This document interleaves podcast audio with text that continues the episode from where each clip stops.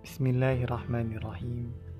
Ayah bunda, percayalah ketika Allah menitipkan sang buah hati kepada kita, itu artinya Allah telah memilih kita sebagai orang yang tepat untuk mampu bisa mendidik dia bagaimanapun caranya. Dan bukan orang lain. Kalaulah orang lain yang lebih bisa mendidik anak kita, maka Allah telah menitipkan anak tersebut seharusnya kepada orang lain, bukan kepada kita. Maka, ketika mendapati kesulitan, bukan berarti tidak bisa.